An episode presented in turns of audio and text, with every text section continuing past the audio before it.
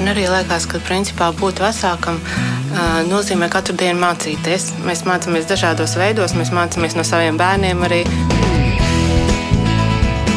Mēs tiekamies ģimenes studijā.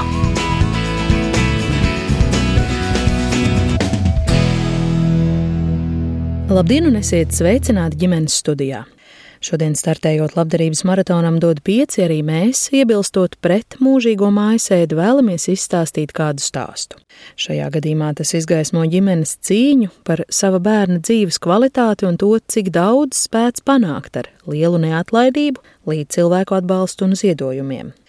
Un tāpēc es Agnese Linka šai reizē dodos uz Jēlgavu viesos pie Artūra un Līgas Dombrovskiem, kas audzina pirmklasnieku Kasparu un četrgadnieci Zandu. Kaspars ir gudrs, apģērbīgs zēns. Viņam tāpat kā vairumam patīk iet uz skolu klātienē, nevis mācīties attālināti, interesē datori, tehnika patīk lasīt. Kaspars piedzima ar labās kājas kaulu patoloģiju. Viena kājiņa bija stipri īsāka nekā otra, Vēl viņam ir ļoti uzņēmīgs tētis, kurš saka, ja manam bērnam kaut ko vajag un to neizdodas panākt vienā veidā, es atradīšu citu un izdarīšu sava dēla labā visu, iespējamo un neiespējamo. Pateicoties šādai uzņēmībai, Kaspars nav mūžīgās mājasēdes piemērs, jo vecāku neatlaidība aizved viņus uz klīniku Vācijā, kur gadu gaitā veiktas jau vairākas operācijas un šai jomā daudz pieredzējušu mediķu rokās ar ļoti precīzas, smalkas tieši viņa vajadzībām līdz milimetriem pielāgotas ortozes palīdzību, Kaspars ir guvis iespēju staigāt. Bet vispirms stāsts par viņiem visiem četriem kopā.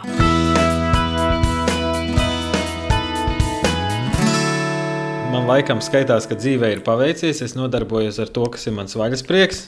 Daru to, kas patīk. Tas ir video un uh, datorgrafika. Taisu reklāmas televīzijai, privātajiem, visiem pēc kārtas. It sevišķi kopš Kaspars ir piedzimis, tas režīms ir. Uh, laikam runāšu par pēdējiem diviem gadiem. Nu, ap četriem, pieciem ceļos braucu uz darbu, strādāju, tad izvedāju bērniņus, braucu atpakaļ uz darbu, atvedu atkal visus mājās, atkal braucu uz darbu, vakarā mājās gulēt un tā septiņas reizes nedēļā nedēļā, principā, sanāk. Bet, nu, glābi, principā, vienīgais tas, ka, jā, tiešām daru to, kas man patīk. Nevis braucu piespiedu kārtā uz darbu, bet tāpēc, ka tiešām patīk tas, ko es daru. Un ar Kasparu divu tā braukājām uz Vācijām ik pa kaut kādam pusgadam, principā, sanāk. Sākumā visi braucām, bet kopš Zanda ir parādījusies, mēs principā ar Kasparu divu tā braucam. Puišu braucienu. Jā, puišu braucienu. Jā. Nu, mammai dosim vārdu. Mama mazāk runā parasti pēc būtības. Bet, nu jā, es strādāju valsts pārvaldē. Tagad, jāsaka, pateicoties pandēmijai, es varu strādāt no mājām, jo vispār darbs man bija Rīgā, un tad tie rīti mums bija ļoti agri. Cēlāmies mēs arī piecos, un tad braucām un skrējām, un apakaļ pa tumsu, un tur uz tumsu, un vienmēr mūžīgais skrējiens. Tagad ir daudz maz labāk. Vīrs pārsvarā skraida un vadā bērniņus, nes tik uzņemu visus mājās. Bet tas labums ir tāds, ka es varu būt mājās, un tad ir ļoti ērti. Jo mums ir pirmklasnieks, kam beidzās stundas, divos, trijos. Un tad Kasparam ir vienmēr fizioterapeits, kas arī pa dienas vidu, un tad ļoti ērti, ka kāds ir mājās, un tad es viņus izlaižu pa durvīm un uzņemu apakaļ. Darbs man arī gana labi patīk, tā ka par to arī esmu gana laimīga. Un tad tā diena ir tāda diezgan ātrā skrējienā, nu viss sapakot, sapakot, izvedāt, kam tad dārziņā maskas vai kam skolai vai kaut ko. Un tad brīvdienā brīvdienās, jā, nu brīvdienās mēs cenšamies kaut kur iet pastaigāties. Nu, Kasparam gan drusku pagad, tagad lēnāk sanāk, bet vispār mēs kaut kur braucam tepat pa mežiem, vai mēs rundās pilī bijām vasarā pastaigāt. Nu, mums tā patīk, mēs varbūt neejam uz kīnu un uz teātriem un uz tādām lietām, bet mēs vairāk kaut kur visi kopā cenšamies izkustēties. Pēc auguma, kā saka, kas par tu nākamais par sevi? Mani sauc Kaspars. Un ko tu dari dienā? Es eju uz skolu un pa brīvdienām mēs spēlējamies ar māsu. Tev tagad ir tas lielais notikums, ka tu esi kļuvis par skolnieku. Kā tas ir? Ir tā, kā tu biji iedomājies? Jā. Ja? Jā, sākumā Kaspars bija drusku satraucies, ka dārziņā ir foršāk nekā skola. Mm. Bet nu, jau te pagājušajā nedēļā atzina, ka skolā tomēr esot foršāk. Kāpēc viņam tā esot licies? Bet nu, tagad nu, aprādās ar skolas biedriem un draugiem jau no kārtību, ka nevar tur visi skraidīt, bet jāsēž stundās. Bet vispār Kasparam patīk mācīties. Viņš visu pilda uzdevumus kārtīgi arī vakaros pats par sevi sēž kaut ko raksta un rēķina. Un es viņam da, dažkārt saku, nu, pietiek, atpūties, nevajag, bet viņš ne, tur raksta savus cipariņus un rēķina tā, ka vispār viņam tur labi sokās skolā. Un mm. ir labāk nekā viņš gaidīs. Mammai taisnība? Jā. Kas tur forši tajā skolā ir? Tad jāmācās daudz nekā dārziņā. Tev patīk mācīties. Jā, Zini, es kaut kur lasīju, tu esot bijis arī ļoti labi sagatavots skolai, ka tu jau burtus esot labi zinājis un lasījis un pat rēķinājis jau pirms skolas. jā. Tev kāds palīdzēja tā sagatavoties jau pirmajai klasē? Pirms tam palīdzēja mamma. Liekas, Mamma, skaidrs, mamma. Dārziņā viņiem tur tās skolotājas diezgan laikam paveicās. Tad viņš tur viņa tā diezgan, bet skolotājs gan teica, ka viņš pats tās diezgan apģērbīgs, ka vienreiz pastāst un saprata, tur citiem jāatkārto, bet viņš labi saprotot un mājās, jā, ka bija jāsēž, tad mēs arī neslinkojām, ņēmām grāmatas, kaut kādas uzdevuma burtnīcas un pildījām. Nu, kad bija dārziņš cietu pagājuši, kad, kad viņš aizslēdz. Jā. Tā kā mājās mēs ar kaut ko darījām. Tagad viņam it kā diezgan viegli pagaidām. Sākumā jau teica, ka skolā par maz mācot, ka viņš bēdīgs, jo maz tajā mācīja tajā skolā, ka vajag vairāk. Tā, ka, bet es teicu, lai drusku pagaida vēl 12 gadi priekšā, gan, gan ieskriesies. Mūsu ģimenē izglītības ministrija ir sieva. bet tāda diezgan stingra. Viņa tā pieticīgi stāsta, bet tāda diezgan stingra ir. Nu, tas ir labi, ka jūs tā atklājat patiesu vainu. Žagariem es pakaļ neskrienu. Tik traki nav, bet nu, tā slinkot es pilnībā neļauju. Kaut kas tomēr ir jāpadara. Nu, lielākais nopelns, es domāju, dārziņu skolotājiem nemanējais. Es tik piekontrolēju uzraugs mājās, bet nu, es tā īpaši nemācīju. Nē. Kuras mācības stundas, kura priekšmeta tev patīk labāk skolā? latviešu valoda.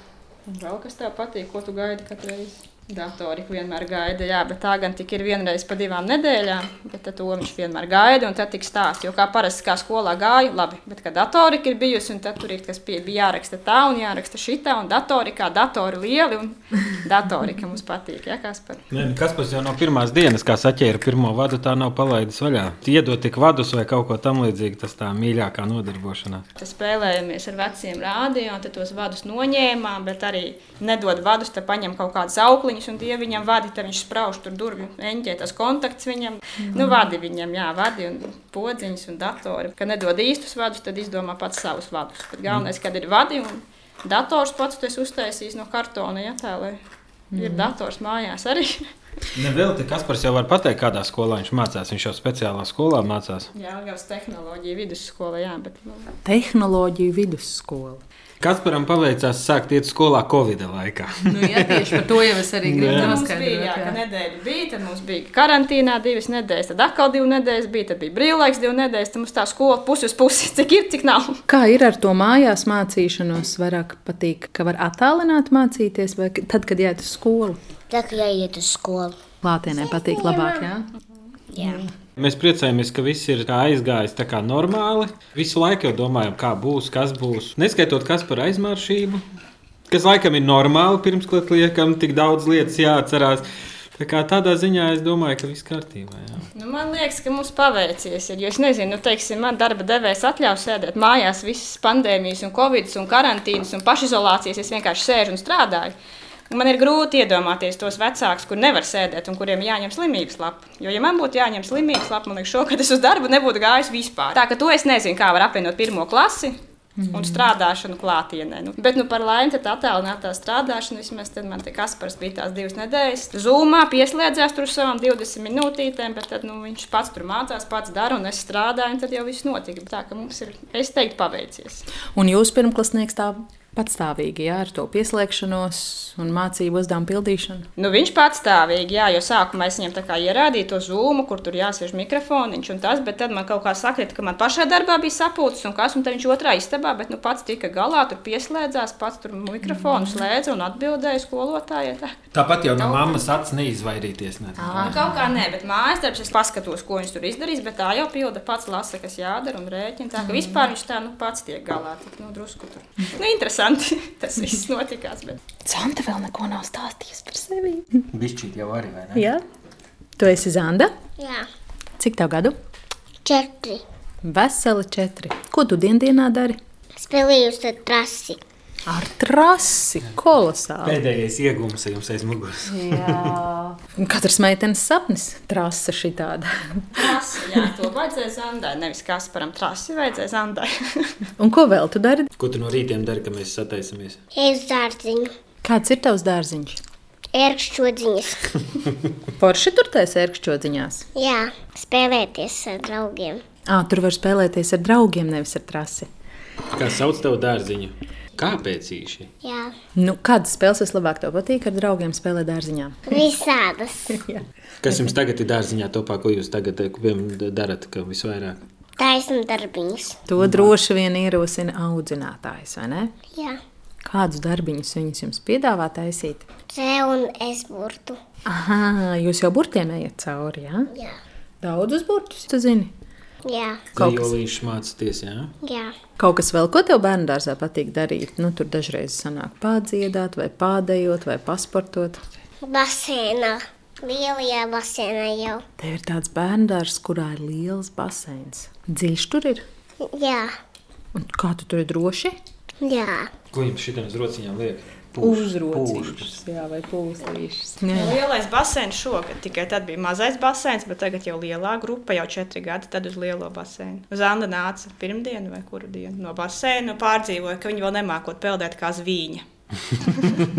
Mēs gan nezinām, ko tas nozīmē. Bet viņa Bet... bija satraukusies, ka lielajā basēnā viņi nevarot peldēt kā zvīņa. Tas ir forši, ka tu tur esi tajā lielajā basēnā, jo tur noteikti varēs to iemācīties.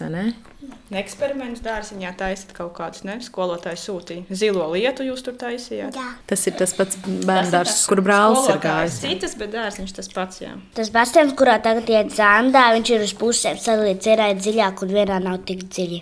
Nu, jā. Mazais un lielais, jā. Jā, Nu. Tev arī ir labas atmiņas par to basēnu, jā? jā. Patīk iet uz tām peldēt apmācības nodarbībām. Jau no trijām klasēm mēs laikam arī iesim peldēt. Jā, Latvijā tā ir, ka otrklasnieki iet. Kas par sākumā gāja privātajā dārziņā, jo valsts dārziņš nebija. Tāpat uz basēnu gājām, tad viņiem tur patika jau šļakstīties, bet mums arī ieteica, ka tas veselīgi tur tai visai kājai un visam, kad vajag uz basēnu. Tad mēs tur sākumā gājām uz privāto basēnu. Bet tad mums atkal paveicās, mums vispār laikam paveicās ļoti bieži. Un tad mums bija dārziņš tepat pie mājas un ar visu basēnu, un tad mēs ļoti laimīgi. Jums ir tā kā pēc priekšrakstiem, ja droši vien dzīves vietai dārziņš ir tuvu. Nav pats tuvākais, bet tas man visvairāk Nē, nu arī patīk dzīvojot? Jālgavā. Man no rīta pietiek 20 minūtes, lai abus nogādātu un es būtu darbā. Tas ir tāds liels pluss. jā. Nu, es domāju, ka ir tūs. Nu, cik mums te ir ar mašīnu 5 minūtes, ar kājām, no 15 mēs ejam. Bet, nu, kājiņas mazas vienīgi, jā, bet tad mēs ar riteni, kad mums te puikas Vācijā, tad mēs ar Zandu paliekam divatā, un tad jau mēs ar riteni ar to dibdapu. Es skrienu pakaļ, un Zanda ar dibdapu mēs ļoti ātri, jā. Kas Zandoks aizjož ar riteni, mamma skrien pakaļ, un tā mēs pārvietojamies. Ā, mammai nav Man dibdapa. nav, di- man nav dibdapa, tad es dibdapoju ar savām kājām pakaļ Zandai. Jo tā jau saka, ka bērniem ir ļoti labi, ja ir arī iespēja aiziet līdz tam bērnu dārzam. Nav nemaz tik labi, ka vienmēr visur mēs mūsdienās bērnus tikai vadājam ar mašīnu. Nu, tad viņi vispār nedabū to soļu skaitu. Ja jā. Vācijā ir ar mašīnu, tad jau mēs ar Zandu kājām gājējām. Ar riteni. Zanda ar ritenīti un mamma ar kājām jau ir blakus. Man ir divi riteņi ar pedāļiem un bez pedāļiem. Nu, dibdaps un tas otrs, jā. Trīs ritenītes. Klasiskais. Un ar kuru ir foršāk, ko tu biežāk izvēlies lietot? Kur kāja ar kājām, jā. Dibdapu, jā. jā. Priekš kam tos pedāļus tur mīt, Nu, mocīties? Pedājs mums tur iedeva māsa, atdeva savējo, tas trīs ir tens, es pat tur grūti viņu pamīt. Man liekas, nu tāds, nu galīgi grūti mīnamais. Divu dapu mēs jau tiekam uz priekšu. nav vairs pipar. Piparkūks ir sarunas ievadā, garšīgi nokraukšķināts.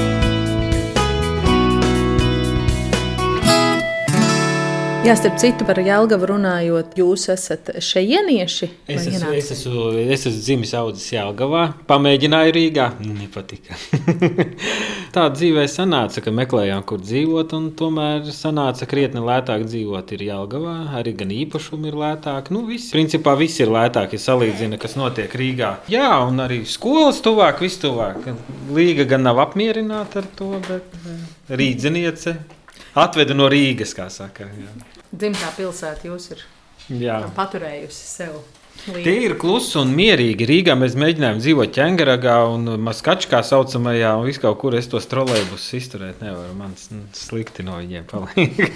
es esmu pieredzējis klusumā dzīvot. E, Nē, man trolēļus netraucēja. Man vispār nekas netraucēja. Man patika Rīgā, bet kaut kā mēs te iepriecējāmies. Es domāju, tad uz kādu laiciņu te padzīvos, padzīvos, un tad varbūt vēlāk uz Rīgu, bet tad jau te piedzima Kaspars, un ko tad dārziņš, un tad, nu, ko te vairs mainīt, un tad vēl zanda, un tad jau skolas, un nu, tas viss ritenīs, nu, ko tad, nu. Bet, nu, es esmu apradusi, jo sākumā pirmos gadus es zināju tikai maršrutu Rīga, Jelgava, tikai šoseju. Es zināju, man neinteresē nekas, jūs domājat, es, es te neesmu uz palikšanu, tad es tikai kur šoseju uz Rīgu, tur es zināju. Bet, nu, jā, es te tā ratiņiem, ka Kaspars bija ratiņos, ja, un tad mēs te braukājām, Jelgavu iepazinām, sevi pa Jelgavnieci es neatzīšu, nu, pa pusē.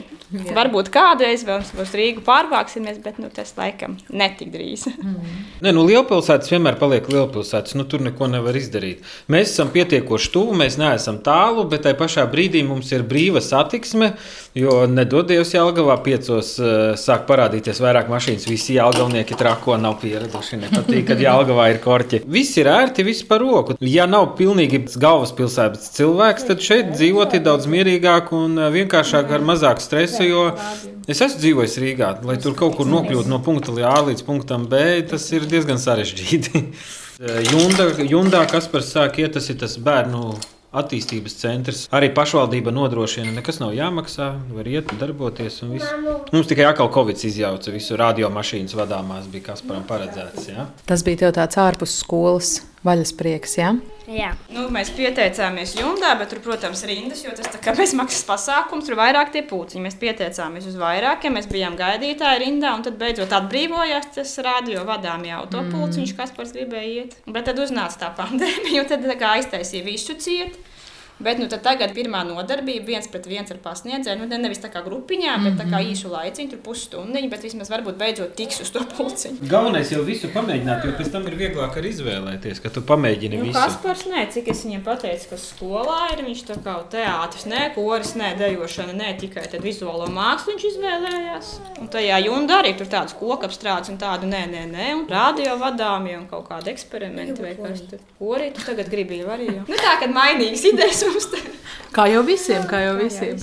Es domāju, ka tagad vienkārši bērni grib cilvēkos, kur tikai varētu pabūt uh, cilvēkos. Kāds jautrības, jā, citādi jau tā mājās sēdēšana. Agrāk jau var vairāk kaut kur braukājām, arī ciemoties vai darīt. Nu, tagad tāda mājās sēdētāji esam palikuši. Kā jums ir ar tādu kaut kādu paplašināto ģimeni? Ja jūs esat eh, rīdzinieti un Kaspars ir šejienietis, jums ir omīts vai opīši arī, kas nāk talkā kādreiz kaut kādās dzīves situācijās, kad vajag? Nu, pārsvarā jau paši tiekam galā. Nu, tā var to apciet tik daudz, jo nu, man visi radi Rīgā ir, un tad uh, Artūra mamma ir, bet nu, viņa arī pati strādā, pati dara, viņa arī nevar tā īsti visu laiku pieskatīt. Nu kā, nu, ja mēs reiz esam veidojuši to ģimeni, tad mēs tā kā nu, viens vai otrs tomēr vairāk vai mazāk ir klāt. Un, nu, jā. nu, varbūt vasarā pamēģināsim pie māsas atstāt, nevis tāpēc, ka vajadzētu, bet lai bērniem jautrāk, ka viņas atstāja kaut kur. Kasparam ar Zandu ir eh, divas māsītes un viens brālēns.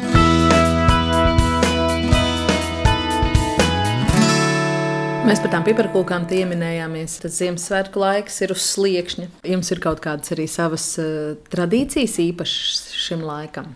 Nu, mums ir viena tradīcija, kas tā varbūt daļai nejauši ir sākusies, bet mums bija tā kā pirmo gadu. Nu, bija Kaspars piedzimis, un tad, protams, pirmais bērns, un visu, visu, visu vajadzēja. Un tad viena no lietām, ko man vajadzēja, mēs eglīšas bumbuļos, mums ir sarkani bumbuļi, ar baltu krāsu viņam nospiedu plaukstu un tā kā rokas nospiedums uz tā bumbuļa. Un tad mēs karinājām eglītē. Un tad nākošais, kad es izdomāju, kā kalu vajag, un tad mēs katru gadu, kas, protams, tad jau būs tagad jau Septītais bumbulis, jā, vai astotais, septītais bumbulis. Septītais bumbulis būs eglītē, un Zanda arī piedzima, un tad mēs viņai arī jau roku. Un tad mēs savus katru gadu vienu roku tiek nospiest un karinam eglītē. Nu, nu iesim tik tālu, kamēr eglītē vietas nebūs. Vai, ne? vai bumbuļi beigsies sarkani jāpiepērk, jā, vai cita krāsa, bet nu, pagaidām, kamēr tu roku var uz tā bumbuļa vēl uzspiest, kad ir vieta, tikmēr mēs spiedīsim bumbuļus. Tos bumbuļus tad katru gadu vajag aizvien lielāks, ne rociņi taču aug. Nu, bumbuļi mums bija cik tajā komplektā, es nezinu, 16 laikam vai cik, nu tāda neliela tas izmērs. Jā, nu pagājušajā gadā Kasparam vēl tā roka tilpa, nu jāstāsta, jā, vai nu jāpērk lielāki bumbuļi, vai jāatstāj Zandai mazi un Kasparam lielāki jānopērk varbūt. Ja vajadzēs, pirksim lielāks bumbuļus, neko darīt. Zanda tikko iemācīsies dzējo par ūķīti bija. Neskaitīs dzējo par ūķi? Skaitīšu. Skaitīsi? Jā. Nu, neskait. Mežmalā uz lielas bakas, rūtītis konfektes stādīja ik rītiņu, ik vakariņu, rūčītis ar madu konfektes laistīja, un izauga konfekšu koks, kurā auga madainas konfektes. Jā, bet tik skaidri un, un bez kādas tostīšanās. Deklamē. Sanāk dažkārt, jā, kad skaita dzēju jau vajag. Vai tad pie jums arī kāds uh, Ziemassvētku vecītis atnāk pa Ziemassvētkiem parasti ciemos vai atstāja kaut ko kaut kur? Parasti atstāja, jā. Pa nakti ierodās.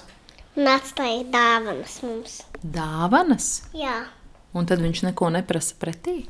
Nē. Tos dzējoļus. uzvedību zandiņu prasa pretī. Jā. Un tos dzējoļus. Parasti mēs sarakstam vēstuli. Šogad jau esam uzrakstījuši laicīgi, jau ir aizsūtīta, un tad kaut kādas končiņas noliekam salavecītim, vai ko mēs tur liekam zem eglītes. Un gaidām, tas salavecīts pa nakti noliek dāvaniņas. Jā. Mhm. Dzējoļus liek mamma un tēta par savām dāvanām, un omīšu, un opīšu, un visi tie tur dzējoļus skaitam citiem. Salavecīt mums tāds labs ir tik vēstulīt jāuzraksta. Un tad Mhm. mēs ar saldumiem uzpērkam salavecīt, un tad pa nakti mums atnes dāvaniņas zem eglītes. Un uh, vai tad vienmēr viņš piepilda to, ko te vēstulē uzraksta? Mums parasti jāpat vienu reizi. Mēs paprasījām spēlīt ar vadiņiem un lampiņām, bet viņš neatnesa ar lampiņām. Tādu nevarēja laikam salavecīt tādu, kā gribēja maziem bērniem ar vadiem un lampām. Laikam nebija salavecīti, bet ar vadiņiem bija tikai ja, un ar skaņu. Citus Ar gadus jau tā neko trāpa, ja? ko šogad uzrakstīja salavecītim. Lampus.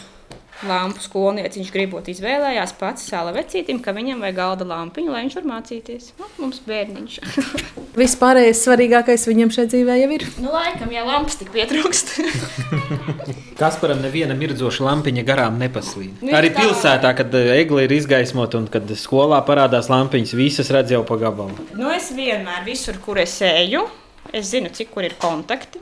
Ja mēs sēžam teātrī, izrādās, kamēr gaidām, ir izskaitīts, cik ir kontakti un kur eglīte ir iesprausta. Bērnu dārzā mums bija pasākums Ziemassvētku, visi danco un iet rotaļās. Mans puisīs sēž pie tumbas un skatās, kā tumba darbojas, kur ir iesprausts vadiņš kontaktā. Un vai tad nenāks spēlēties? Nē, nenāks. Tā viņš tur nosēdē visu pasākumu pie tās tumbas. Un, nu, dārziņā tur laikam tumbu viņš tur stāja pa līdzi un vadu sprauž. Skolotāja, nu, tā kā priekš mūsu grupiņas iz, priekš izlaidumu.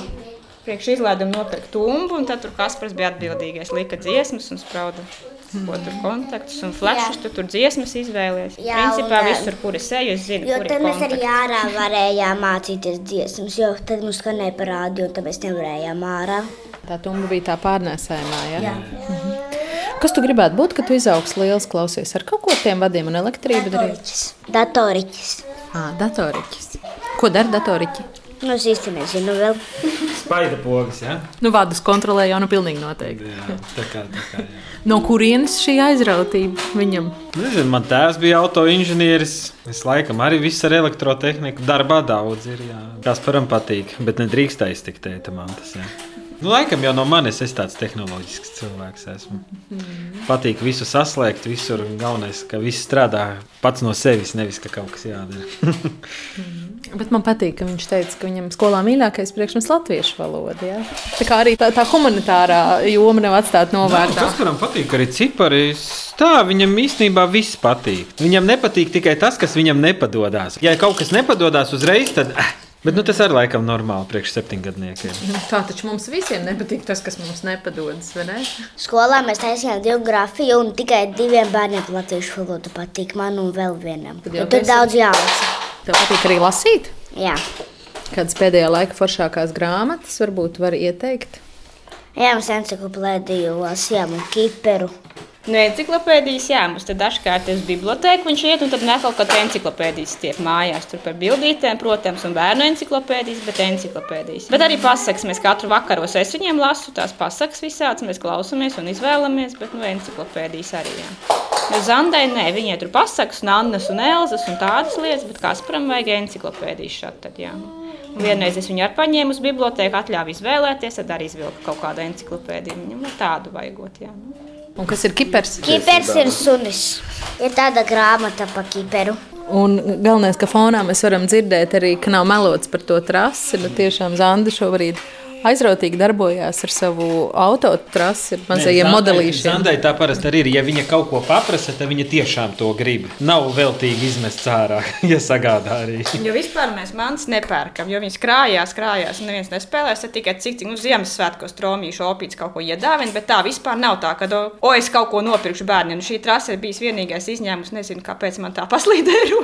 bet principā tāds mans nekad mēs tur visādi varētu došos komplektus, tādas darbiņas visādus taisam un komplektus ar līmēšanām un krāsošanām, tādus rokdarbus. Bet visi tie darbiņi, tas e, nav dzīves garumā. Tie ir pēdējie 4-5 mēneši. Tas, viņi regulāri mainās. Jo... Tad mēs kādam jaunus darbiņus. Vispār mēs, jā, nu brīvdienās, ja līst lietus, mēs sēžam kaut kādus tādus darbiņus. Jo spēlēšanās, nu, galda spēles mums ir dažas, bet tādas mantas un rotaļlietas, kā mīkstās mantiņas, tādas mums vispār nē. Ja ir laiks šādiem radošajiem darbiņiem, tad mazāk laiks atliek droši vien pie mūtenēm sēdēt vai pie kaut kādām datorfilmiņām. Nu, mūtens ir jebkurā gadījumā tikai vakaros, nu, pusstundu, nu, 20 minūtes brīvdienās, varbūt garā, nu, 40 minūtes, bet nu, tā mēs nav nekādā aiziet, paskatieties mūtens un lieciet mieru. Nu, tā nē, viņi tiek nodarbināti tie bērni, bet nu, vakaros var, jā, kamēr es mazgāju trauks un tā. Nu, pusstundu vakaros, jā, viņi tiek pie mums. Šis modernais televizors mums ir tikai nedaudz vairāk kā gadu. Mums pirms tam bija televizors vecais lampinieks, un neviens viņu īsti pat neskatījās.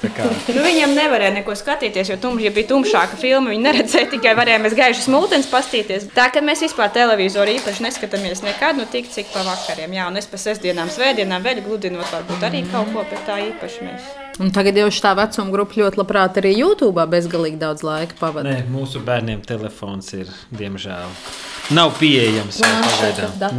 Planšete Kasparam ir tikai slimnīcā, tā, kad viņš nedrīkst izkāpt no gultas, bet pārējā laikā nav. Nu, Rētu reizi es atļauju savā telefonā kaut kādu dziesmu uzlikt, vai tiešām, ja kaut ko mēs tur gaidām, vai dārziņā kāds video ir atsūtījis, tad jau mēs paskatāmies, protams, bet skolā. Nu, skolā, jā, vai nu labi, YouTube, kad bija jāmācās, tad mēs skatījāmies, bet mēs skarbie vecāki, jā, liekam kaut ko darīt pašiem, nevis skatīties ekrānā.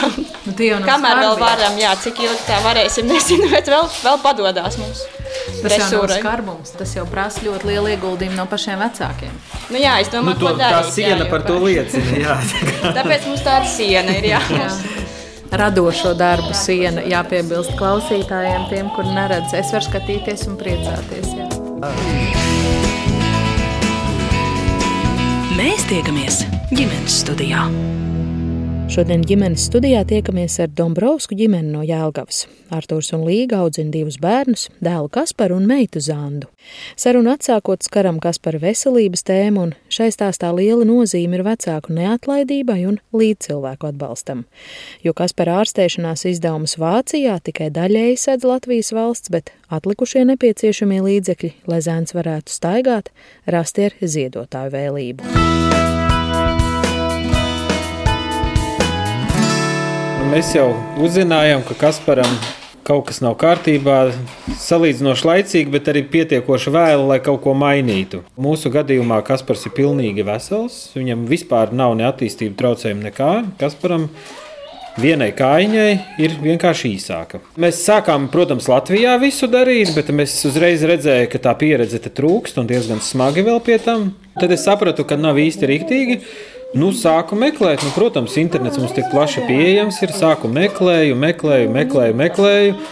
Un beigās noskaidroja vienu lietu, točna, ka Vācija protezēšanā ir pati vecākā. Nu, tā tad nu, gudrībai tur arī jābūt laikam. Ir. Mēs nejauši satikām arī vienus jēlgauniekus, kuri pastāstīja, kad ir arī Vācijā. Tad es sāku izzināt. Beigās izrādās, mana brāļa klasē mācījās cilvēks, kurš pašlaik Vācijā ir urologs, dakteris. Un tad ar viņa palīdzību visu tomēr atradām, ka šī slimnīca, kurā mēs ārstējamies, ir labākā Vācijā, principā skaitās. Un jā, aizbraucām nekļūdīgi godīgi sakot, nekļūdīgi. Nu, mēs aizbraucām daļēji, tāpēc, ka tie doktori kāds variants mums piedāvāja, galīgi nešķiet loģiski, un katrs runāja kaut ko citu. Viens gribēja jau divos mēnešos kaut ko uzreiz jau griezt un operēt, katru vēl tikai skrimslīšu, vai kas tas jau bija gatavs operēt jau divos mēnešos uzreiz. Viņš nezināja, kas tas ir, jo enciklopēdijā meklē diagnozi.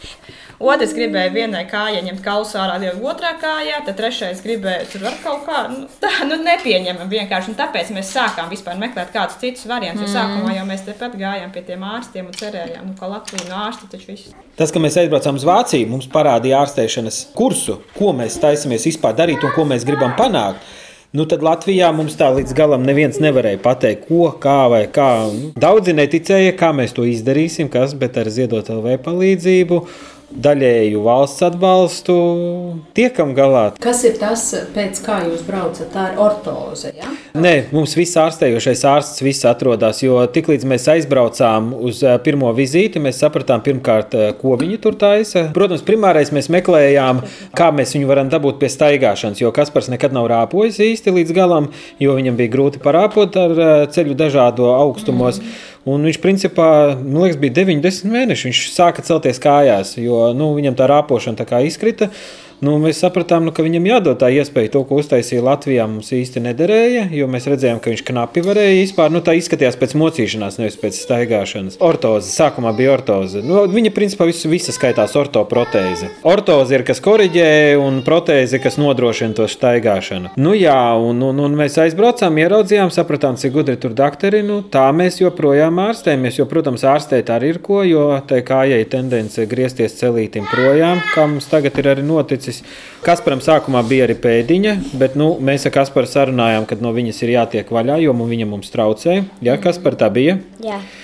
Jā, tā kā Kaspars pats pieņēma lēmumu atbrīvoties no pēdiņas, jā, kā, un, un, un mēs sapratām to, ka atšķirība, principā, es varētu teikt, ar Latviju tāda, ja Kasparu mēs parādījām Latvijā atšķīra grāmatas, Tad uh, Vācijā jau pateica, principā ārstēšanās kursu jau tik paskatoties. Tad mēs sapratām, ka laikam tā būs tā īstā vieta. Vienā brīdī mums nomainījās arī doktors, jo pirmais doktors aizgāja pensijā. Bijām tā kā nobijušies, bet ne, otrs ir, man, es varētu teikt, pat daļēji pat vēl labāks nekā tāds bišķi vēl modernāks un uh, pielieto vēl savādākas metodes un, un, un jā, tā kā tikai pārsvarā viss ir atkarīgs no viņa paša cik ļoti grib pareizi staigāt. Jo, kā es Kasparam stāstu, tas ir tāpat kā mašīnai. Ja bukse ir pa galam, tu brauc pa bedrēm, sāk bojāties citas bukses un viss. Un ja mums Kaspars klibo aiz slinkuma, jo paiet Kaspars var pareizi, sāk bojāties vispārējais. Neklausījiet tēti, divas operācijas, jā, lai izlabotu. Nu, tagad ceru, ka klausīs.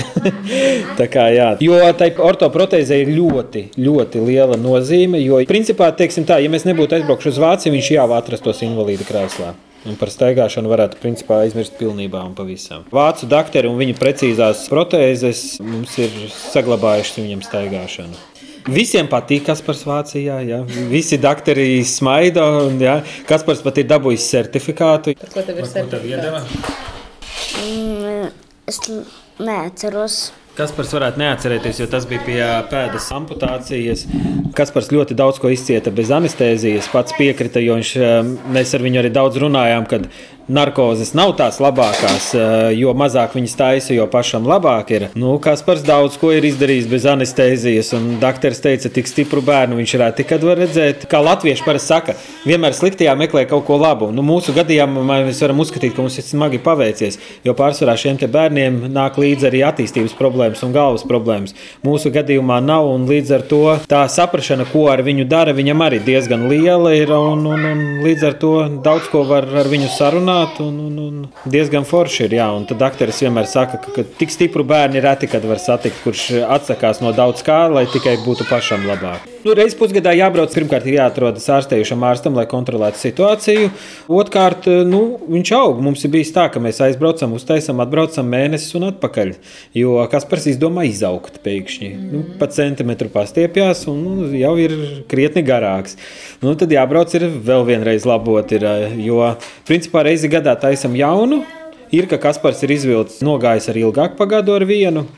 Nu, es teicu, tas atkarīgs no augšanas. Mm. Ir. Bet nu, remonti reizi pusgadā kā minimums ir. Bieži vien ir biežāk, man liekas, rekords ir bijis četras reizes gadā, kad mēs braucam, kad viņš vienkārši paaug, paaug vai ir atkal operācijas pa vidu, jābrauk turpu šurpu, nu, kaut kā tam līdzīgi. Kā, jā. Kaspars trīs reizes, četras reizes nedēļā iet vingrot pie fizioterapeita tagad, jo it sevišķi pēc operācijām maziem bērniem divas nedēļas noguļ gultā, tur ne dibena vairs ir bērnam nekā ir, nu, viņam vispār ir grūti.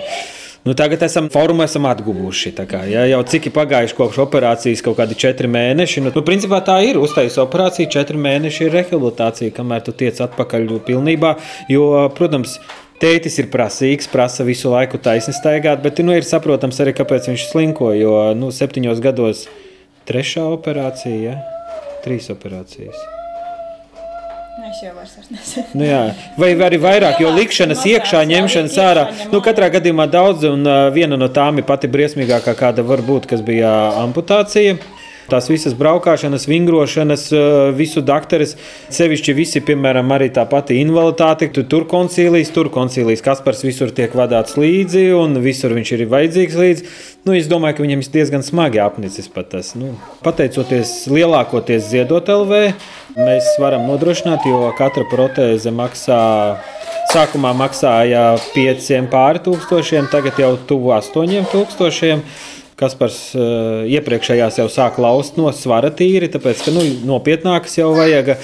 Valsts mums dod līdzfinansējumu reizi gadā 2,5 tūkstoši tam visam, pārējo mums palīdz ziedot LV, jo nu, fiziski pašam samaksāt tas ir Es nezinu, kas ir jādara un cik daudz ir jādara. Nē, protams, braukšana, tā kā es saku, es pats taisu reklāmas. Nu, es esmu kā man ir pašam savs sijā, kur es strādāju viens. Nu, kā nu es aizbraucu uz divām, trijām nedēļām, nevis nedēļu pirms kaut ko var izdarīt, ne nedēļu pēc. Tas ir principā darbs, kuru attiecīgi nesaņem neko. Bet nu, tā tiekam galā.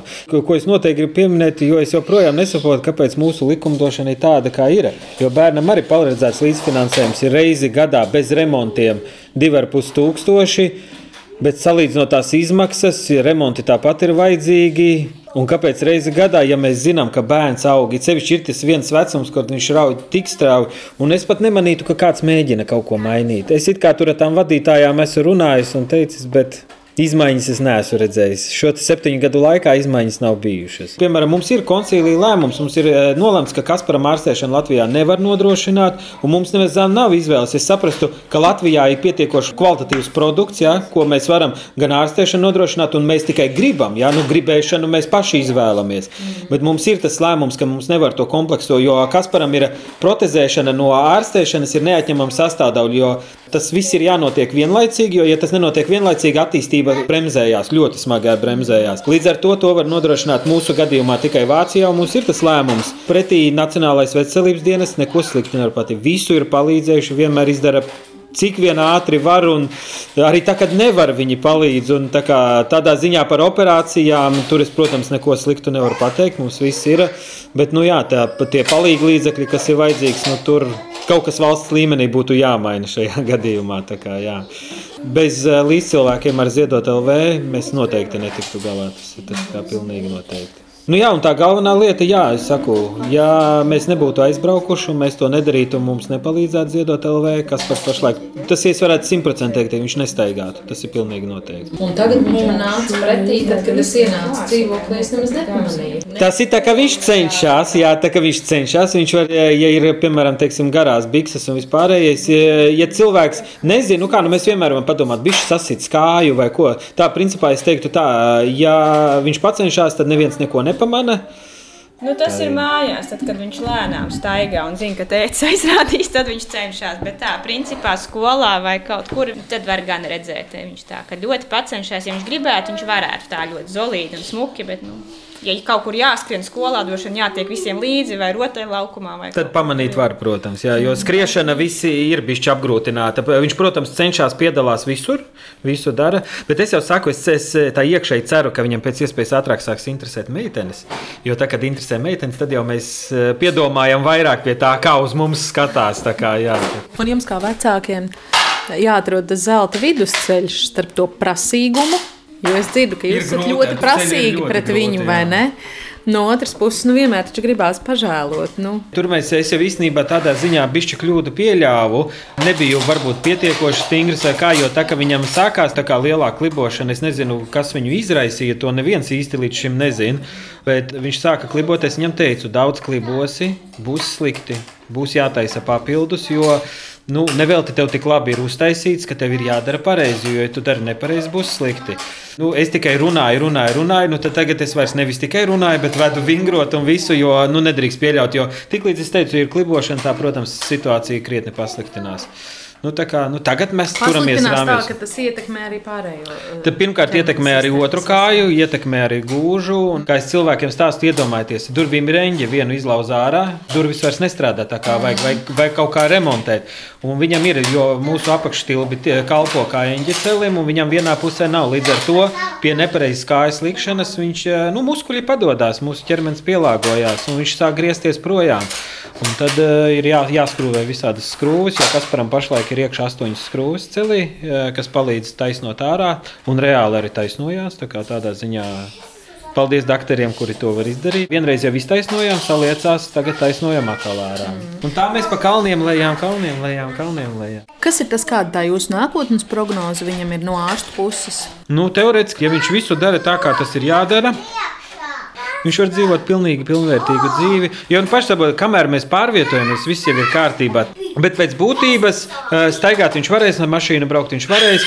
Kā izrādās, eh, ko mēs tagad mēģināsim vasarā norīkot ar riteni braukt, viņš arī var. Ir speciāls pedāls regulējams, kur vienā pusē ir īsāks, otrā ir garāks. Attiecīgi var eh, pieregulēt un varēs braukt ar riteni. Nu, principā tas ierobežojums ir, es uzskatu, tikai sportā, tālēkšana un tam līdzīgi. Bet tā visā pārējā pilnvērtīga dzīve, tā kā tādā ziņā nevajadzētu būt nekādiem sarežģījumiem. Skolā viņš sportot. Viņš piedalās sportā, viņš piedalās mm. sportā. Nu, viņš dara, ko var. Jā, viņš piedalās. Tur varbūt skrien, vai tad bija runāts, ka viņš piedalās, vai tur bumbas varbūt palīdz pienest. Nu, mm. kaut ko vismaz kustās vai mm. rokām vai tā. Nu, viņš dara, ko var. It kā viņam ir atbrīvojums, bet nu, tā, lai viņš nesēdētu malā, viņš iet un nu, vismaz kaut ko padara drusciņā. Un, protams, kas ir tas pats grūtākais, tas, kad, piemēram, tagad mums arī mums trīs reizes nedēļā, pašlaik ir, man liekas, līdz janvārim arī joprojām ir vingrošanas. Visi doktori agrāk bija osteopāti. Laiku prasa drausmīgi daudz laika. Un arī viņam tas prasa laiku. Viņam jau sen tas viss ir apnicis. Bet, nu, nu ko darīt? Kas jādara, dažreiz tas ir jādara. Tā kā, jā. Tiks arī tā, kad izaugs tāpatās kā ir jāstiprina, viņi ir jālieto, viņi ir jādara, jāuzrauga. Jo bīstamākais ir nepareizi darot, muguru var sabojāt, kas, protams, jebkuram cilvēkam rada diskomfortu. Nu, es kamēr man būs spēks, stāvēšu blakus. Tā kā lai vienalga 15, 10, 20 vai 30 gadi, kā saka, stāvēšu blakus un vienmēr skatīšos. Tā, protams, tas ir neizslēdzami. Man bieži vien, ka šo jautājumu uzdod, tad es vienmēr saku, nu, kā es varēju darīt kaut ko mazāk, jo Es nevaru iedomāties to situāciju, ka, piemēram, nu, pieņemsim, bērnam ir 15 vai 20 gadi, un viņš man pienāk paprasīt, tēti, kāpēc mēs nedarījām šitā, kā man būtu bijis labāk. Man tagad ir sliktāk, bet varēja būt šitā. Te es saku, nu, es sev, man liekas, tādu jautājumu vispār nepiedotu, jo ko man atbildēja? Tāpēc, ka man slinkums bija, tāpēc, man grūti bija.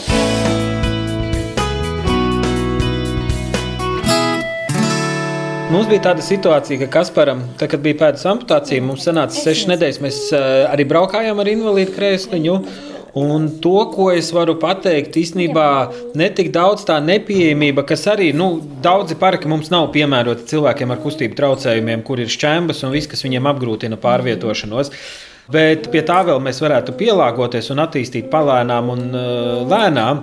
Bet nu, vajadzētu izglītot vairāk cilvēkus. Jo es pats varu pateikt, es braucu ar bērnu ar invalīdu krāsu, kur var redzēt, ka viņam kaut kas ir izdarīts ar kāju un ka tur nav pilnīgi.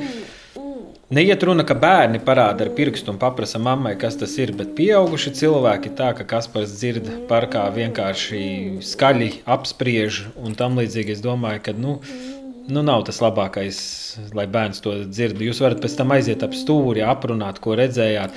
Jo, piemēram, salīdzinot ar to pašu Vāciju, kur mēs arī braukājām, cilvēki iet garām smaida. Neviens īpaši pat nepievērš uzmanību, ka tu tur pārvietojies. Un es domāju, līdz ar to tam bērnam arī vieglāk ir. Mēs gājām saldējumies. Es izceļu ratus no mašīnas, ielieku bērnu visu. Neviens pat nepaskatās. Nu, attiecīgi, jūs esat tāda paša sabiedrības daļa kā visi pārējie. Latvijā, cik man bija tā saskarsme, viņa nebija tā patīkamākā Saprotams, ka bērni parāda. Viņiem ir daudz kas neredzēts, viņi grib daudz ko uzzināt. Mm. Bet tāpēc arī vecākiem vajadzētu to klusāk paskaidrot, vai ko. Jo nu, tam bērnam nevajag to dzirdēt, jūsu tos komentārus. Visu, ak, Dievs, ak, Dievs, kā tas var būt un kā tas ir. Nu, apsies uz to bērniņu. Nu, Diezai viņš komfortabli mm. jūtās uz ielas. Bet, uh, protams, man ir grūti spriest, mēs to neesam darījuši ilgstoši. Jo es domāju, arī tā, tā infrastruktūra, visa, kas ir, es domāju, tie, kas ir patstāvīgi, es domāju, ka viņiem ir problēmas. Jo tās mūsu visas apmalītes ir katrā malā. Es domāju, ka ir grūti pārvietoties vispār.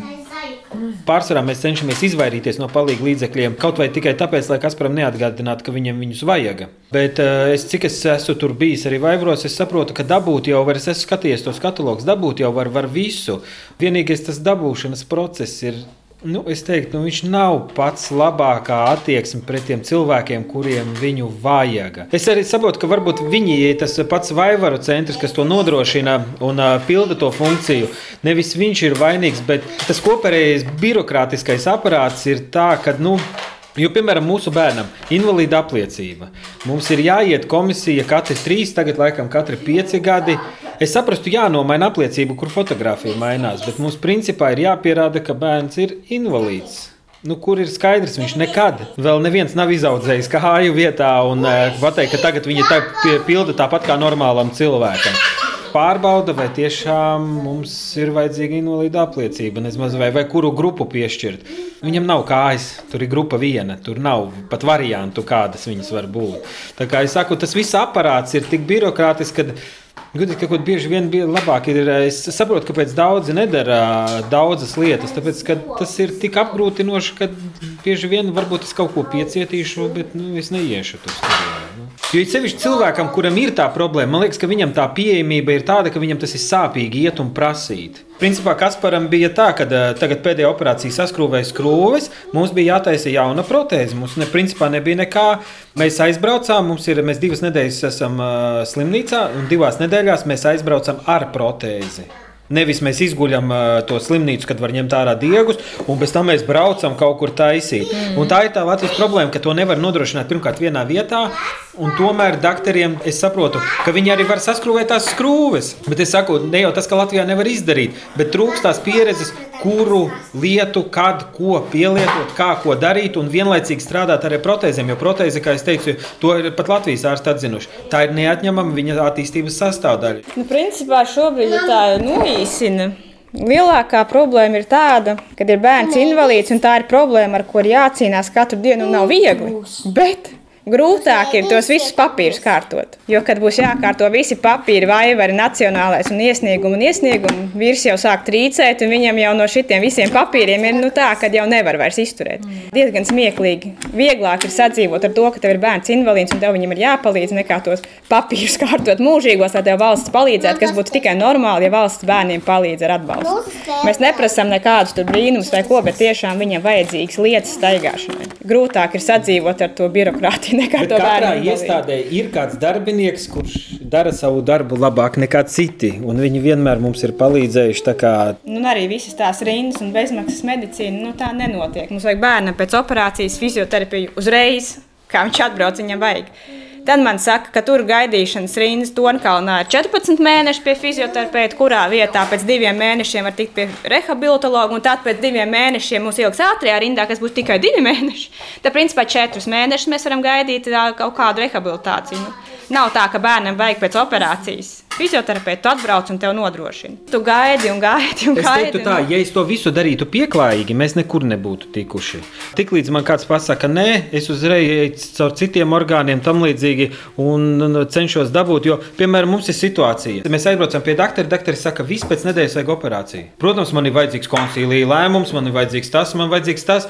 Kā man teica Nacionālajā veselības dienestā, ja grib, to var sakārtot ātri, un viņi arī cenšas palīdzēt. Jo, piemēram, pēdējo operāciju bez Nacionālā veselības dienesta un bērnu klīniskās slimnīcas vadītājas mēs nebūtu normāli. Normālā ceļā ejot uz reģistratūru un visu piesakot, mēs noteikti nebūtu dabūjuši. Noteikti nebūtu dabūjuši. Normāls ceļš būtu pierakstīties pie ortopēda bērnu klīniskajā slimnīcā, un viņš sasaukt koncīliju.